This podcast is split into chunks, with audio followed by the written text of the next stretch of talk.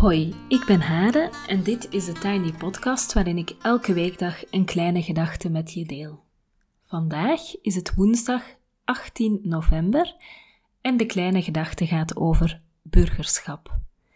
Dit is de tweede themaweek over burgerschap en dan bedoel ik het belang van een actief en maatschappelijk betrokken burger te zijn. Vandaag mag ik een getuigenis met jullie delen van een van mijn cursisten over wat het betekent een actief en maatschappelijk betrokken burger te zijn. Het is een bijzonder en inspirerend verhaal van een vrouw die anoniem haar verhaal wil delen.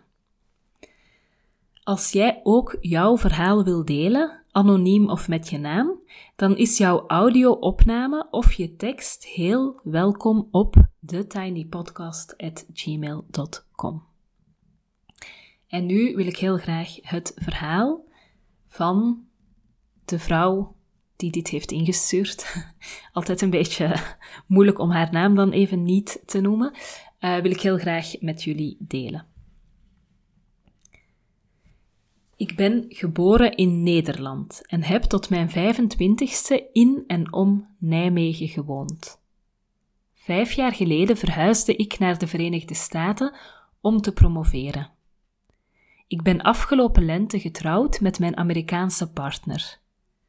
En nu zit ik midden in het aanvraagproces van een green card, zodat ik hier ook na mijn promotie mag blijven en kan werken. En dat immigreren, dat is best een heel proces. Voordat ik zelf naar het buitenland verhuisde, wist ik dat niet. Ik hoorde in het nieuws wel over immigranten en dubbele paspoorten en wat politici daarvan vonden, maar ik had er geen verhalen bij. Rond de tijd dat ik naar de VS verhuisde, verhuisde de Mexicaanse partner van een van mijn beste vrienden naar Nederland. Ik stond versteld van hoeveel papierwerk en voorwaarden daarbij kwamen kijken. Hij moest een bepaald inkomen hebben om die aanvraag te kunnen doen. Zij moest een Nederlandse taaltest halen, wat veel zenuwen gaf, want slagen was zo belangrijk. En nu ga ik dus zelf in een ander land door die procedure heen. Als je naar bepaalde kanten van het politieke debat luistert, lijkt het erop dat wij immigranten een plaag zijn. Dat we hier banen komen stelen. Dat we vooral veel baby's gaan maken en dan volgens Trump onze hele familie tot en met onze achterneven laten overkomen. En dat we dan allemaal de bijstand ingaan. Ik vraag mijn liberale vrienden te raden hoeveel bladzijden papier mijn aanvraag is. 30? 50 raden ze? Nee, 338 bladzijden papier. Ik heb nog nooit zo'n zwaar pakketje met de post verstuurd. Immigreren is niet makkelijk. In Nederland niet, hier in de VS niet. Dat zet enorm in perspectief hoe relatief makkelijk het was voor vrienden om naar België, Engeland en Zwitserland te verhuizen. Hoe gaaf de Europese Unie is, hoe handig, hoe belangrijk. Overigens hadden de vrienden ook papierwerk voor een verhuizing binnen Europa natuurlijk, maar het viel in het niet vergeleken met mijn Mexicaanse vriendin en mijn eigen ervaring hier. In Nederland vond ik stemmen vanzelfsprekend. Het was altijd makkelijk, het stembureau op loopafstand. Ik vulde de stemwijzer in en later ook de stemtracker, verdiepte me wat in de bovenste tien kandidaten op de partij die naar boven kwamen en stemden. Hier, in de Verenigde Staten, mag ik niet stemmen. Ik woon en werk hier al vijf jaar, ik ben van plan hier te blijven en ik geef om mijn stad, deze stad, deze staat en dit land. Hoe het bestuurd wordt, het beleid wat geldt, geldt ook voor mij, heeft impact op mijn leven maar totdat ik officieel staatsburgerschap heb hier, met een Amerikaans paspoort mag ik niet stemmen. En dat paspoort, dat gaat nog minimaal 5 tot 7 jaar duren. Ik mag geen geld bijdragen aan politieke campagnes, ik mag geen vrijwilligerswerk voor ze doen. Ik heb letterlijk geen invloed. Ik ging afgelopen zomer naar een herdenkingsmars voor een jong zwart meisje van elf dat was doodgeschoten. Ik kon met deze mars meelopen omdat het om 11 uur ochtends was, door haar kerk georganiseerd en 99% zeker rustig zou verlopen. Sommige van mijn vrienden gingen ook naar de andere protesten. S'avonds, waar soms rellen uitbraken, waar ze soms oog in oog kwamen te staan met politie of met gewapende rechtsextremisten. Ik bleef thuis, want als ik contact zou hebben met de politie, brengt dat mijn immigratieaanvraag in gevaar. Inmiddels weet ik dat immigranten om die reden gemiddeld gezien minder vaak in aanraking komen met de politie. Minder misdaden bedrijven, minder verkeersovertredingen begaan. Hard werken, hoofd omlaag en je best doen om zo snel mogelijk te integreren. Het is een compliment als iemand aan mijn accent niet hoort dat ik uit het buitenland kom en dat Engels mijn tweede taal is. Immigranten zijn hier gemiddeld hoger opgeleid dan mensen die hier geboren zijn, maar dat is niet het beeld wat in de media en politiek wordt geschetst. En ik denk terug aan Nederland, aan mijn ooms op een boerderij op het Limburgse platteland die grapjes maken, je hoeft je fiets niet op slot te zetten, want het Marokkaanse elftal speelt een WK-wedstrijd. Auw. Dit doet meer pijn dan Trumps idee dat ik mijn achterneven wil laten overkomen naar de VS. Weet hij dan niet dat er geen immigratiecategorie is voor achterneven of ooms? Dat zelfs een broer of zus jarenlang zou moeten wachten? Weten mijn ooms dan niet, als ze een parodie doen op een Marokkaans accent, hoe moeilijk het is om als volwassene een nieuwe taal te leren en hoe goed de meeste immigranten in Nederland Nederlands spreken? Als mijn Amerikaanse echtgenoot, hallo hoe gaat het, zegt, klinken alle G's en H hetzelfde, hoe hard hij ook zijn best doet. Het is zo belangrijk om verhalen en gezichten te hebben. Ik spreek nu mijn ooms aan. Ze kennen mijn partner en weten hoe moeilijk het is om Nederlands te leren.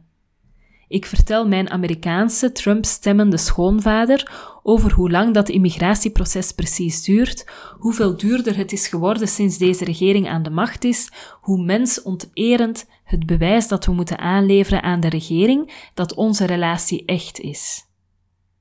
Hij wist niet dat een immigratieambtenaar op het interview dat eraan zit te komen ons bijvoorbeeld individueel zou kunnen bevragen naar onze favoriete standjes in bed, om te controleren dat we hetzelfde antwoord geven.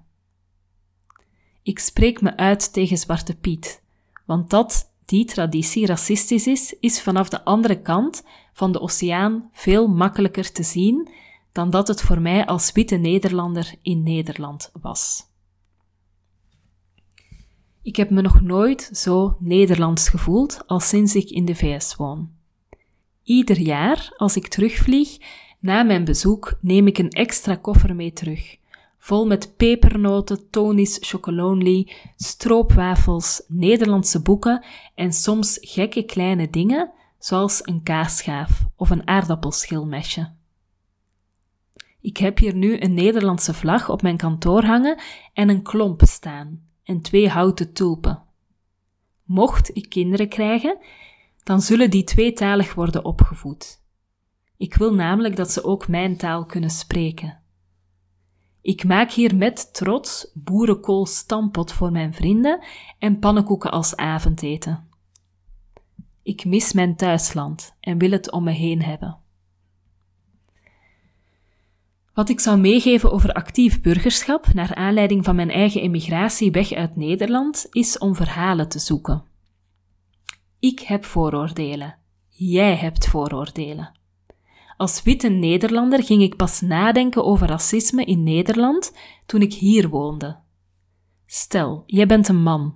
Vraag dan vrouwen uit je omgeving eens naar seksisme dat zij hebben meegemaakt en denk na over wat jij als man kunt doen.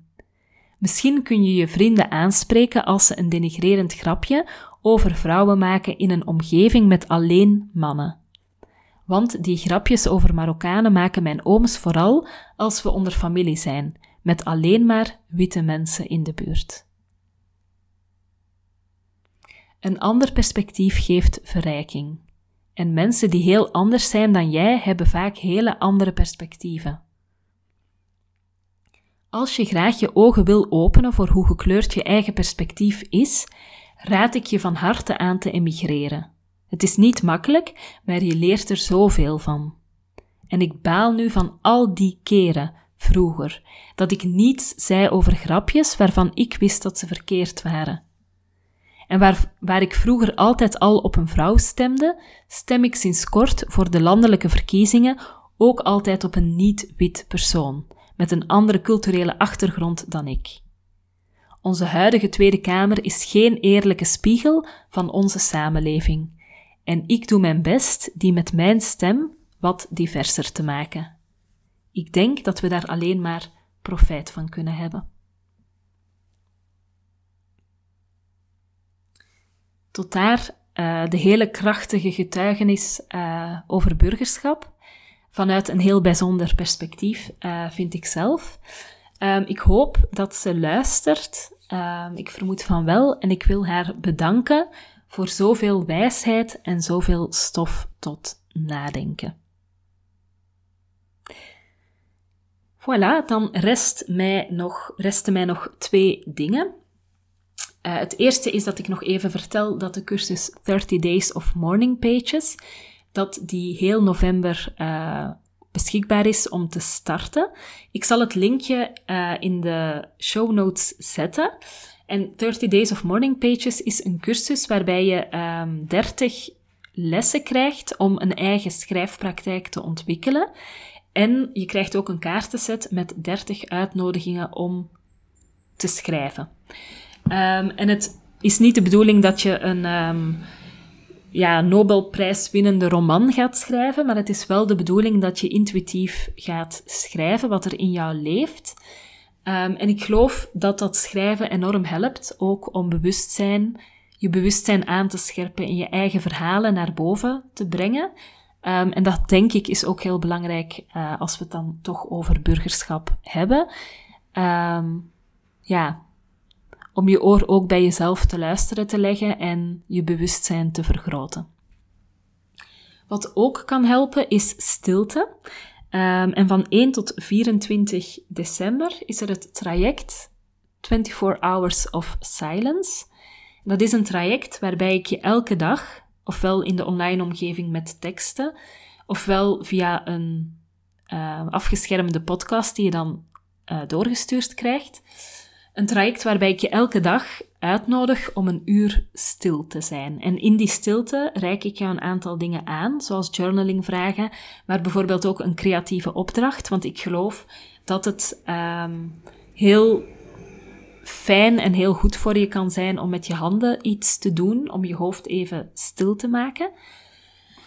Wat ik uh, ook aanreik is mijn eigen verslag, mijn eigen um, ja, het verslag van mijn eigen stilte-expeditie. Dus ik ga 24 plekken bezoeken waar ik een uur stil ga zijn. En ik ga verslag uitbrengen uh, in het traject wat dat met mij doet. Om 24 keer een uur in stilte door te brengen zonder mijn telefoon erbij te kunnen nemen, zonder um, een podcast te luisteren, zonder mij op een of andere manier te kunnen afleiden. Um, ook stilte, denk ik, is heel belangrijk om ruimte te maken voor wat gehoord wil worden en waar we ons van bewust zouden moeten kunnen zijn. Um, dus wil ik dat in dit verband ook even aanstippen en je uitnodigen om uh, via de link in de show notes om naar het traject uh, toe te gaan. Voilà. Tot zover de Tiny Podcast voor vandaag. Je kan me volgen op Instagram, TheTinyPodcast. Je helpt me door deze podcast wat sterretjes te geven op iTunes, een review achter te laten en of hem door te sturen aan iemand anders die er misschien ook graag naar wil luisteren. Heel erg bedankt en tot morgen.